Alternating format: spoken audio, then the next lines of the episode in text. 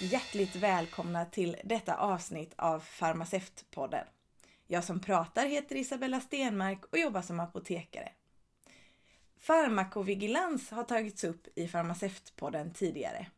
Jag blev själv inspirerad till att lära mig mer om det här och läste därför hösten 2019 en kurs vid Uppsala universitet, preklinisk säkerhetsvalidering och farmakovigilans.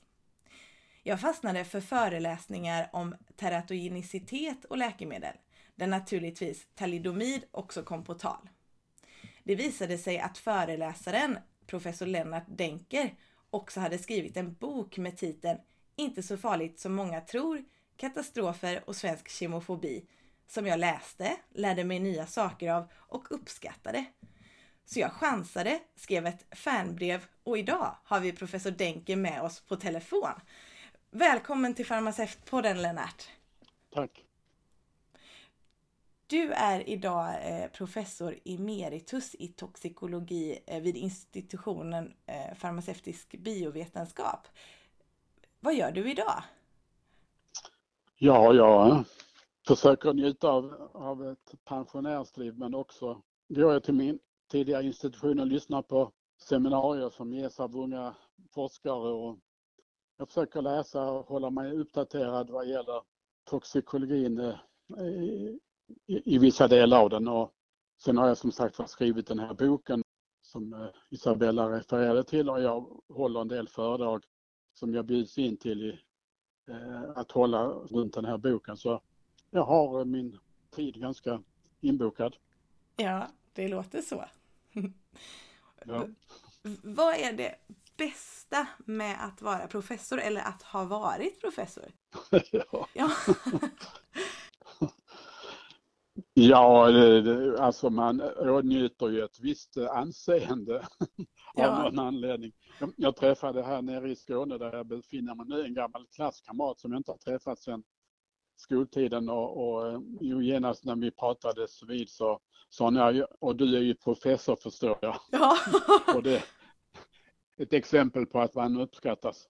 Men eh, alltså jag har i väldigt stor eh, grad uppskattat att få jobba vid ett universitet.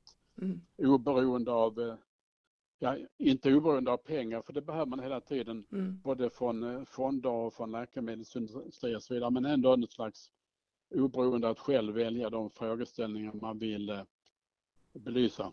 Mm. Så jag har verkligen uppskattat akademin. Och att, att arbeta vid ett universitet som Uppsala universitet som har det mesta, eh, där träffar man människor med olika inriktningar och det är oerhört stimulerande. Mm. Så jag är tacksam för mitt yrkesliv. Det förstår jag. Jag har förstått att du i grunden är eh, veterinär och jag är nyfiken hur ditt intresse för läkemedel och toxikologi började. Ja, under kliniktiden på veterinärskolan så hände det ju att djuren dog om de kom till patologen. Mm. Så då gick jag ofta dit och tittade på organen, vad, vad man kunde lära sig av, av deras mm. sjukdomar. Och det fanns också en, en, ett intresse bland ja, till exempel farmakologer, toxikologer på veterinärskolan mm. för tungmetaller. Det var en veterinär som hette Carl Boys som hade varit med och ut, ja, studerat eh, effekterna av metylkvicksilver på mm. fasaner mm. som ju dog eh, som flugor på 50-talet. Så det fanns en tradition där och sen eh, blev den doktorandtjänst ledig hos en professor som hette Sven Ullberg mm. som hade fått en professur på farmaceutiska fakulteten. Och jag följde med honom helt enkelt till, till Uppsala och blev doktorand där på farmaceutiska fakulteten som sagt. Och, och Eh, det var ju ett, ett fint tillfälle. Under den tiden så fanns det liksom en, ja, ända sedan 70-talet, början på 70-talet så var det väldigt intressant med kemikalier i samhället och toxikologin fick en, en blomsterperiod och, och detta har egentligen pågått sedan dess. Eh, mm. Samhällets intresse för, för kemikalier och naturligtvis också läkemedelsbiverkningar och så vidare. Så det var lite så jag kom in. Jag blev doktorand och det var lite grann av en slump men jag hade också ett grundläggande intresse för det här. Mm. Sen måste jag också säga att jag har inte varit så specifikt intresserad av läkemedel och kemikalier som, som just kemiska ämnen utan jag har varit mer intresserad av det biologiska i det hela. Hur, hur kommer de in i, i kroppen? Mm. Hur, hur verkar de i kroppen? Dessa mekanismer som har fångat mitt intresse mer än själva kemikalien. Mm. Det kan jag känna igen. Ja. Mm. Det är ju oftast verkningsmekanismerna som är spännande när man liksom kan lägga ihop pusslet och se vad är det som hände Absolut. och varför. Mm. Hmm. Absolut. När man pratar om kemikalier och toxikologi och farmakovigilans då är det ju inte sällan som talidomid eller då neurosedyn som marknadsfördes mot bland annat graviditetsillamående i slutet av 50 och 60-talet. Att det kommer på tal. Det orsakade ju missbildningar hos cirka 10 000 nyfödda barn. Hur kunde så många bli drabbade innan läkemedlet drogs in? Det fanns helt enkelt ingen eh, beredskap. Det fanns inga, inga exempel tidigare med läkemedel, som man säger, oskyldiga läkemedel och fosterskador. Mm. Man, man tänkte sig lite grann att fostret, eh, embryot, levde i någon slags elfenbenstorn, oåtkomligt för, mm. för skadliga verkningar av kemikalier. Mm. Eh, det fanns exempel tidigare, till exempel hormonella effekter som som orsakade virilisering av kvinnliga foster. Det fanns eh, exempel på cytostatika, man har till och med mm. använt cytostatika som, som abortmedel och då föddes Oj. det barn med, grava missbildningar. Oj. Så det fanns sådana här exempel, men när det gäller inom citationstecken oskyldiga läkemedel mm. så fanns det ingen, ingen, ingen förberedelse. Alltså jag läste någon gång teori om att till och med att den TVn som var nyintroducerad vid den mm. tidpunkten, att strålningen från TV kunde påverka embryonalutveckling. Mycket fantasifulla spekulationer. Mm. Så det, det, var alltså helt enkelt, man, man trodde inte att det här skulle kunna hända.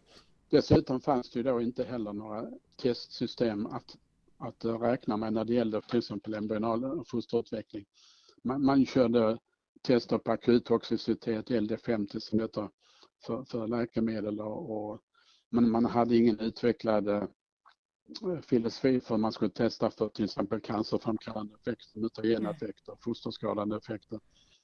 Med erfarenhet av talidomid så utvecklades ju väldigt kraftigt eh, djurexperimentell testning eh, startade i början på 60-talet och framåt. Mm. Men man gjorde vissa djurstudier tidigare eller gjorde man eh, ingenting? Ja, men det var nog mycket så akuttoxicitet mm. som ju var viktigt att, att känna till. Eh, om, om barn hade fått i sig läkemedel så skulle man veta hur toxiska de här läkemedlen var. Ja. Men alltså något, eh, någon förståelse för djupare toxikologi fanns inte. Nej. Eh, det har ju utvecklats sedan dess. Från den tidpunkten så utvecklade man ju också missbildningsregister Mm. Där man kunde se om det fanns några toppar av missbildningar i, i någon viss miljö, en viss trakt eh, som skulle kunna orsakas av kemikalier. Det heter missbildningsregister. Mm. Och, och, det har ju också haft en viss betydelse. Mm. Men visst var det också så att det inte fanns något system för att registrera biverkningar som det finns idag? Nej, det var detta missbildningsregister som Aha. utvecklades och som har använts sedan dess. Nej, det fanns inga, mer veterligt fanns det inga, inga register tidigare. Nej, idag finns det väl system typ för att rapportera in biverkningar och en, om det hade kommit in signaler eh, idag så hade man väl hunnit upptäcka det mycket tidigare. Jo ja, absolut. Mm. Vi kan ju ta som ett exempel i, i USA då vitaminalliknande läkemedel, mm. retinoider, alltså akutan och etretinater, de, de dök upp eh, om det var på 80-talet. Eh, då hade man en massa djurexperimentella studier, man visste hur, vilken typ av missbildningar som de här retinoiderna kunde orsaka djurförsök och man hade en stark uppmärksamhet eh, på de här när de introducerades på människa. Och som jag förstår så var det bara efter 5-10 fall av missbildningar mm. av retinoider i USA då man sa jag, det här är faktiskt en humanterapin också. Vi måste begränsa användningen av det här hos gravida kvinnor. Mm. Ja, eh, och, eh, och det kan jämföras med, som du nämnde tidigare, 10 000 fall eh, av talidomid. Mm. Mm. Mm, men det känns ju i alla fall eh, tryggt att, eller jag tycker det är väldigt eh, ja, men bra med det här systemet man har. Man kanske inte fattar alltid varför det är så viktigt att biverkningsrapportera men det är för att man kanske utgår från sig själv. Men så ser man inte att det kanske är många fler som upplever samma sak så det är ju väldigt, väldigt eh, viktigt. Absolut. Mm. Det håller jag med om. Mm. Och det här, ehm, nu är jag lite nyfiken. Vi, vi pratade om sådana här retinoider, jag och eh, en kollega som eh, pratar mycket. Är de agonister eller antagonister på de här receptorerna? Ja, de är agonister i, i huvudsak. Det, de. Så det kan finnas andra eh, mekanismer också men de är i huvudsak agonister och det finns ju en, i embryon, under embryonalutveckling så mm. uttrycks ett, en lång rad av, av olika subtyper av eh, retinolreceptorer som, mm. som aktiveras. Så det, absolut, de är strukturlika och eh, är agonister. Mm. Mm Ja, bra. ska jag hälsa henne.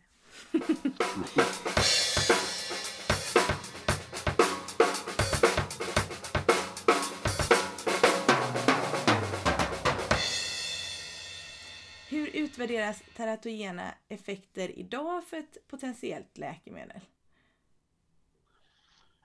Alltså jag är inte helt uppdaterad på, på eh, vad som finns, eh, vad det finns för batteri idag.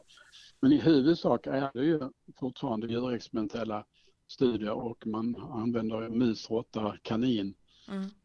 Och eh, sen har det parallellt med det här föreslagits en stor mängd in vitro-försök där man, man kan alltså studera generella eller specifika effekter under embryonalutveckling i, i cellsystem baserat ofta på då olika djurmodeller mm. eh, in vitro. Och, eh, men alltså, jag tror inte att myndigheterna har så väldigt stor tilltro till de här. De här studierna kan nog vara till hjälp eh, i läkemedelsindustrin att, att kanske stryka substanser som är alltför teratogena i sådana system. Mm. Men sen när det kommer till registrering eh, hos myndigheterna så tror jag inte man sätter så stor tilltro till det utan då är det hårda data med djurförsök och, och som, som eh, används i, i bedömning. Mm. Men sen eh, tror jag att det finns fortfarande en, ja vad ska vi säga, så om vi tänker så här, av de så att säga tio starkaste manteratogenerna eh, som finns mm. så kan man hitta liknande eller eh, precis samma effekt hos försöksdjur. Mm. Så det finns en stor överensstämmelse så tillvida. Men om man vänder på saken, eh, hur förutsägande är, är eh, sådana här djurförsök när det gäller icke kända kemikalier så är det ju väldigt eh, svagt. Mm. Och, och så, så, alltså det är inte, inte speciellt starka stark tilltro till detta heller. Så att man, när, när ett läkemedel introduceras så måste man vara väldigt observant på fosterskadande effekter mm. eh, hos människor. Och det där är ju problematiskt så tillvida att eh, nya läkemedel förskrivs kanske inte så mycket till gravida därför att eh, läkare är försiktiga. Mm. Eh, man vet ingenting om eventuella effekter. Därför tar det lång tid innan man påvisar eventuella effekter eller, mm. eller frånvaro av effekter. Ja just det, för jag får mig att du sa det typ på en av dina föreläsningar, eller i alla fall under kursen, att man pratade om det att det behövde vara ett visst antal eh, kvinnor som var gravida som behövde använda läkemedlet för att man skulle betrakta det som säkert. Ja absolut, ja. nu kan inte jag siffrorna där men det är säkert eh, kanske tiotusentals. Mm. Alltså om du ska påvisa en eh, om missbildningsfrekvensen hos eh, människa, mänskliga foster mm. är kanske ett par tre procent i normalpopulationen. Om du mm. ska påvisa en fördubblad effekt eh, från det så behöver du väldigt många fall för att det ska bli mm. statistiskt säkerställt. Så att eh, det är helt rätt, man behöver tusentals eh, tror jag eh, fall. Det är klart det beror på hur potent ett eventuellt läkemedel är att mm. orsaka fosterskador. Det som retinoider att det kanske är hälften av alla embryon blir missbildade då mm. kommer man ju på det snabbare. Och om man ja, dessutom har, har en, en, någon djurexperimentell modell som kan förutsäga den här effekten. Om man hade gjort den här typen av eh, tester på talidomid. Eh, tror du, eller har man eh, liksom resonerat kring det om man hade kunnat förutse effekterna? I och med att du säger att man är, de är ganska dåliga på att förutsäga. Ja, alltså med de, eh, med de djurslag man använder idag så hade det inte varit helt lätt. En aspekt på detta är att möss och råttor är, inte, är alltså inte känsliga egentligen för talidomid men det finns eh, olika uh, kaninstammar som, eh, jag tror det var någon som hette New Zealand White och sånt där, som, som var, visade någorlunda lika missbildningar som människa, men inte, inte, inte lika men ändå som skulle indikera en, en fosterskadande effekt. Men sen finns det då, det helt ovanligt har varit genom decennierna här att om man har prövat på mus, råtta eller muskanin. Och så kanske det ena djurslaget eh, visar fosterskadande effekter men inte det andra. Då blir man osäker. Mm. Är det här en humanteratogen eller är det inte? Och då har mm. man rätt ofta gått över till apor och prövat där. Mm. Och då menar man förstås att apor är mer lika människan i, mm. känslighet. Men då har vi det etiska problemet att man kan inte använda en massa apor till sådana här försök. Det strider mot all djurrättsetik och så vidare, folks uppfattning om vad man ska använda apor till. Mm. Så det, detta är ett dilemma, absolut. Mm. Men mycket intressant. Ja, absolut är det. Finns det andra läkemedelsrelaterade katastrofer som inte är lika kända som talidomid? Ja, absolut och jag tror du kanske tänker på dietylstilbestånd. Ja, det gör jag. jag har ju alltså, detta är ett, ett läkemedel som började användas i slutet på 30-talet. Mm. Och ända fram till eh, runt 1970 hos människa. Alltså man visste ju, det här var en, en substans som, om det här var en, en substans som om du tar molekylen och lägger den över östrogen mm. i en modell så är det, de extremt lika. Och dietylsbestånd är en lika potent östrogen i stort sett som, som de endogena östrogen. Mm. Det fanns studier då i New England-området, om det var Boston-trakten, där man hade visat att eh, om man gav den här substansen till kvinnor som hade eh, tendenser till rituell abort, alltså att man, man aborterade, spontanaborterade foster efter foster. Det var ju naturligtvis tragedier för dessa familjer. Mm. Och då fanns det studier där i New Englands område som eh, visade att det här minskade risken för sådana här eh, aborter. Mm. Men redan, eh, jag tror det 1953 kom det studier som visade att, att den, där, den där effekten fanns inte. Mm. däremot så, så den gravida kvinnans risk att få bröstcancer ökade. Mm. mm. Graviditetstiden förlängdes vilket är ett problem kliniskt. Mm. Ändå så fortsatte man denna behandling ända fram till ungefär 1970. Oj!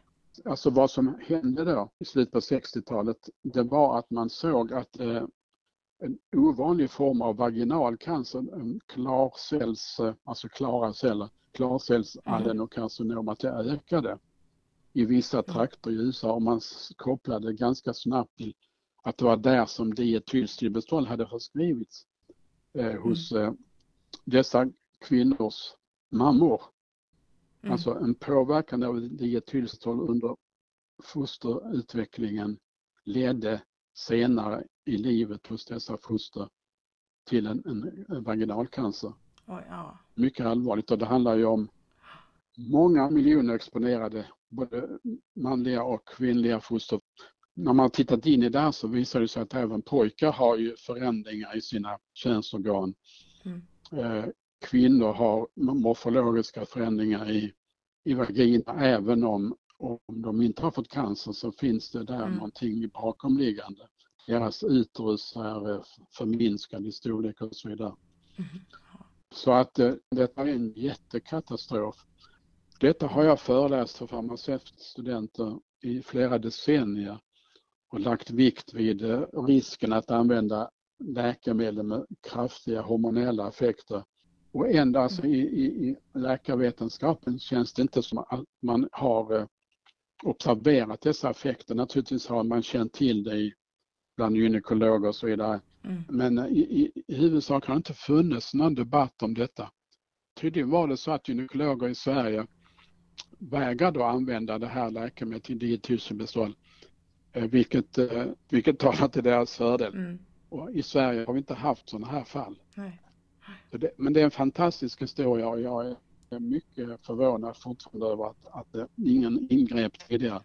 Nej, och jag, alltså jag tycker inte att den här historien är lika känd som talidomid. Så. Alltså man pratar inte lika mycket om det, men det är ju minst lika allvarligt eftersom det pågick under så lång tid. Ja, visst. Intressant och, och spännande. Det var roligt att du ville berätta. Men vad, vad, vad hände med pojkarna förresten? Du bara nämnde att de hade också förändringar. Ja, alltså Dietylsubestol är både en eh, starkt östrogensubstans men också en antiandrogen substans. Jaha. Med olika mekanismer så har det här påverkat också pojkarnas eh, eh könsutveckling. Men mig veterligt har inte pojkar fått eh, cancereffekter av, det här men man tänker ju normalt att det sker mutationer och så vidare och därför blir det cancer.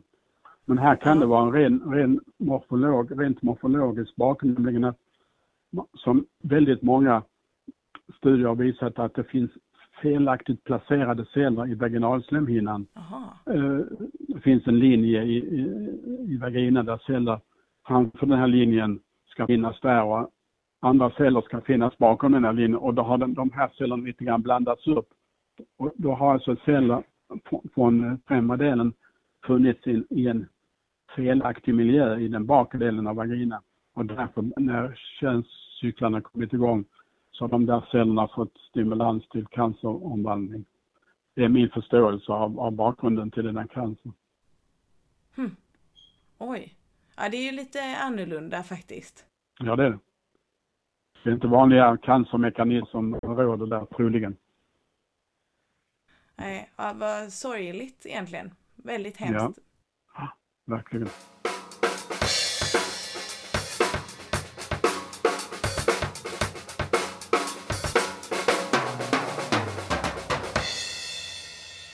Sen då så tänkte jag vi går in på ett eh, annat eh, område som kanske ligger lite mer eh, i tiden och då handlar det om bisfenol A eller BPA som det ofta förkortas. Och det är ju ett ämne som är hormonellt aktivt med framförallt östrogena egenskaper. BPA finns i vissa plastprodukter och tryckfärg och BPA är omdebatterat och Livsmedelsverket följer regelbundet upp halterna i livsmedel som jag förstår det. Ja. I din bok drar du en intressant eh, parallell till eh, fytoöstrogener. Kan du inte berätta lite om detta? Jo då. När det gäller den här debatten eh, om hormonstörande ämnen i allmänhet mm. så upplever jag väldigt tydligt att det finns en följa John mentalitet. Alla ska ha i sina olika system verifierade att det är hormonella effekter och BPA, bisfenol A är ett exempel, finns något tusental artiklar säkert som påvisar sådana effekter. Och de görs ju ofta då i in vitro-system. Mm. Och när jag skrev min bok eh, så funderade jag ju mer och mer på detta. Varför är det så mycket cellförsök och varför är det så lite verifikation hos människa? Att det här skulle ha någon betydelse. Det är väldigt svårt att, studera hos människor naturligtvis och med säkerhet visa att det är effekter.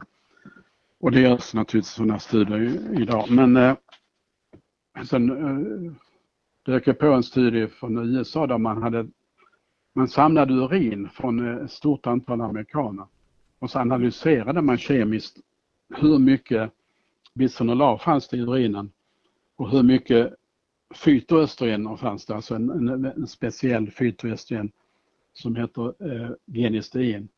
Och det var ju väldigt mycket mer fytoöstrogen i urinen. Sen adderade man till det, alltså man kunde liksom inte studera effekter av dessa två hos människor utan man, man vände sig till en robust eh, försöksdjursmetod för att visa effekterna av det. Det var kända saker men de ville inkludera.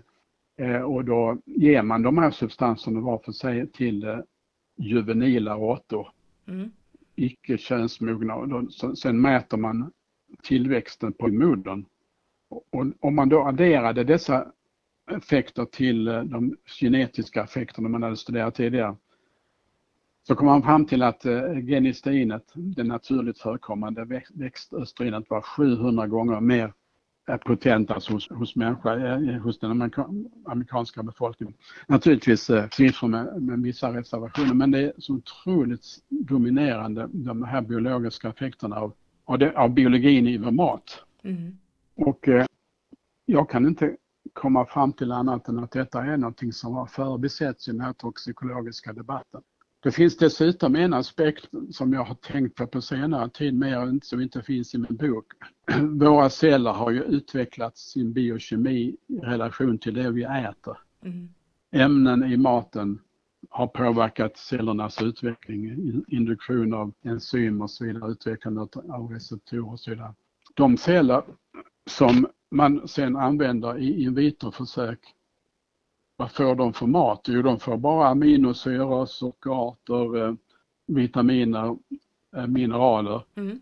De får inte någonting som liknar vår mat. De får inga biologiskt aktiva substanser från maten som vi eh, lever med.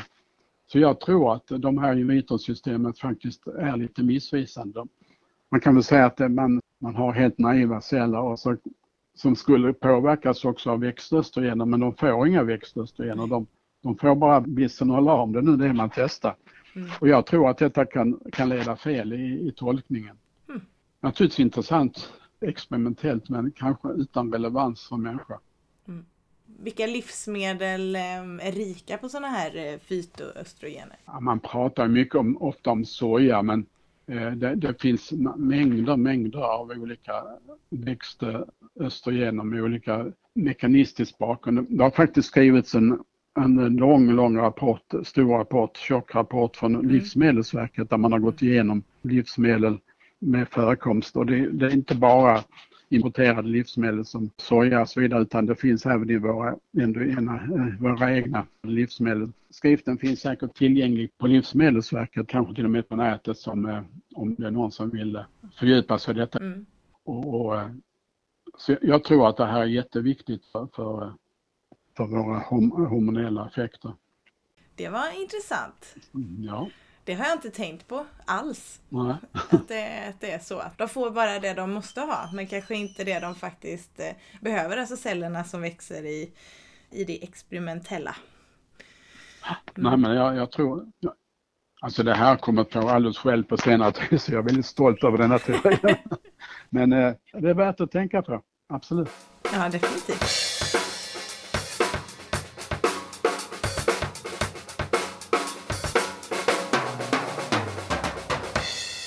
Under min studietid och genom åren så, här, så har jag förstått att eh, många akademiker och forskare hittade sina favoriter. Jag hörde till exempel eh, när jag läste då allt ifrån eh, favoritbakterie till favoritcell eller favoritverkningsmekanism. Ja. Har, har du någon toxisk mekanism som särskilt har fascinerat dig? Ja, jag nämnde inledningsvis att eh, intresse här mer varit på den biologiska sidan, att förstå mekanismer och så vidare. Mm.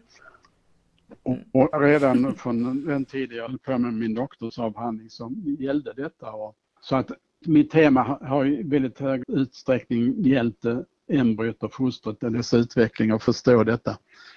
Jag kan ju börja med det, men när jag höll på med min avhandling så hittade jag en ingång från moderns blod till embryot som var i stort sett okänd eh, och som jag liksom kan man säga benade ur och hade med min avhandling och presenterade i en känd eh, engelsk tidskrift. Väldigt esoteriskt väldigt annorlunda. Jag tror nog att min, mm. både min handledare och mina doktorandkollegor tyckte att jag var en knäppjök som höll på med den där väldigt annorlunda mekanismerna.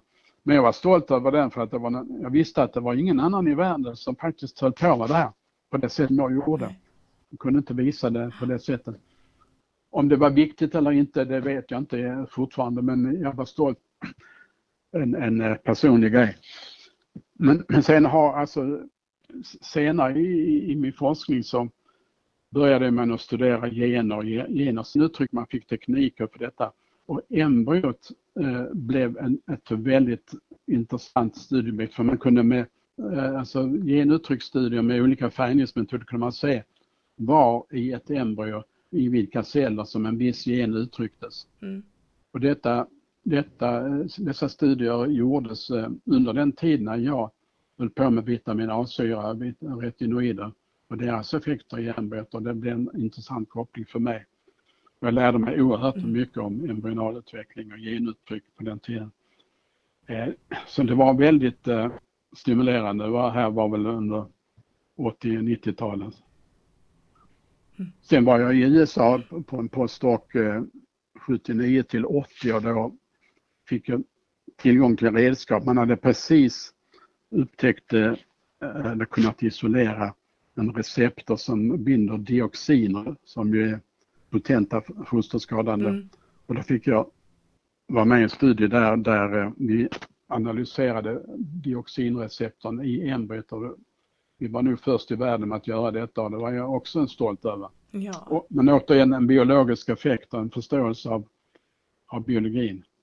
Ja, jag kanske har haft, jag har ju haft eh, favoritsubstanser också som retinoider och dioxiner och sådär, eh, vissa tungmetaller. Men, men eh, i huvudsak har det varit eh, interaktioner med embryonalutveckling. Jag har gjort andra studier också med, med studier av, av distribution av tungmetaller, och läkemedel och annat i, i heldjur, men mest, eller väldigt mycket eh, som rör embryo och foster och det har, jag varit, har blivit ett intresse. Ja, Ja, det, det, är lite roligt att du säger det, för som jag sa inledningsvis så det var ju många föreläsningar jag tittade på, men jag fastnade just för, för dina när du pratade om ja, men, eh, teratogenicitet och embryonalutveckling och sådär. Så att det lyser igenom ditt eh, gedigna intresse. Det, det smittar av sig. Ja, bra, vad bra. Det Tack. var roligt. Tack för ja, det. Ja. det var bra. Ja, då Stort tack Lennart för din tid och att du har varit med oss här i, i Farmaceutpodden. Tack för det. Det var trevligt att få presentera mina idéer. Ja. Tack till alla er som har lyssnat. Blev du nyfiken på det här området så kan jag rekommendera både Lennarts bok och även den distanskursen som hålls vid Uppsala universitet. Glöm inte att gilla Farmaceutpodden på Instagram och Facebook och även om jag inte lägger ut avsnitt varje dag så uppdateras Instagram lite då och då. Sköt om er i dessa underliga tider. Tack för att ni lyssnade. Hej då! Hej då!